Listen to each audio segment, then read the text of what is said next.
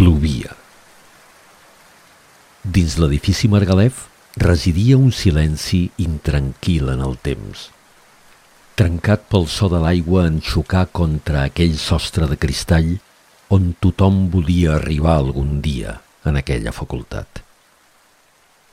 Les gotes queien contínuament i incansablement, com volent esquinçar la fortalesa color teula. Algunes, després de tot, entraven, aconseguint el seu objectiu, una rere l'altra. El Margalef era un espai que atrapava la vida d'una manera tan ferotge que aquella càrrega feia l'atmosfera pesada.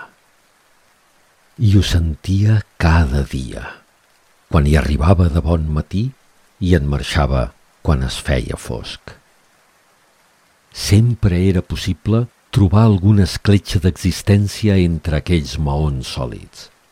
Celebracions, conferències i classes de tots tipus.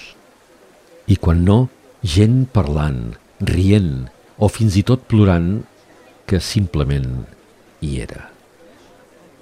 De tant en tant podies captar aquells petons d'una parella desitjant-se sort a un examen – aquella professora que a correcuita feia tard a classe o aquell grup d'estudiants que, tot sortint de pràctiques, anaven riallers al bar a fer una birra. Però era només en aquells moments, a dos quarts de nou de la nit, que la vida ressonava dins del gegant. En quedar-se buit, els ecos d'allò que en un passat remot havia tingut lloc omplien l'espai. I jo em trobava sol allà al mig, en el mateix punt on em trobaria l'endemà. No sabia qui era. Tampoc no podia saber-ho, però estava allà per esbrinar-ho.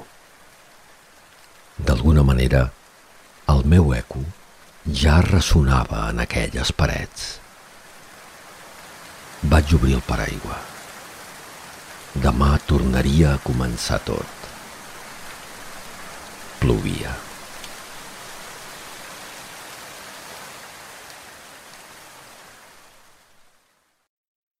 Ecus al Margalef, de Víctor Jiménez Martínez, tercer premi del quart concurs de microrelats de la Facultat de Biologia de la Universitat de Barcelona, 2020. Enregistrament en veu alta.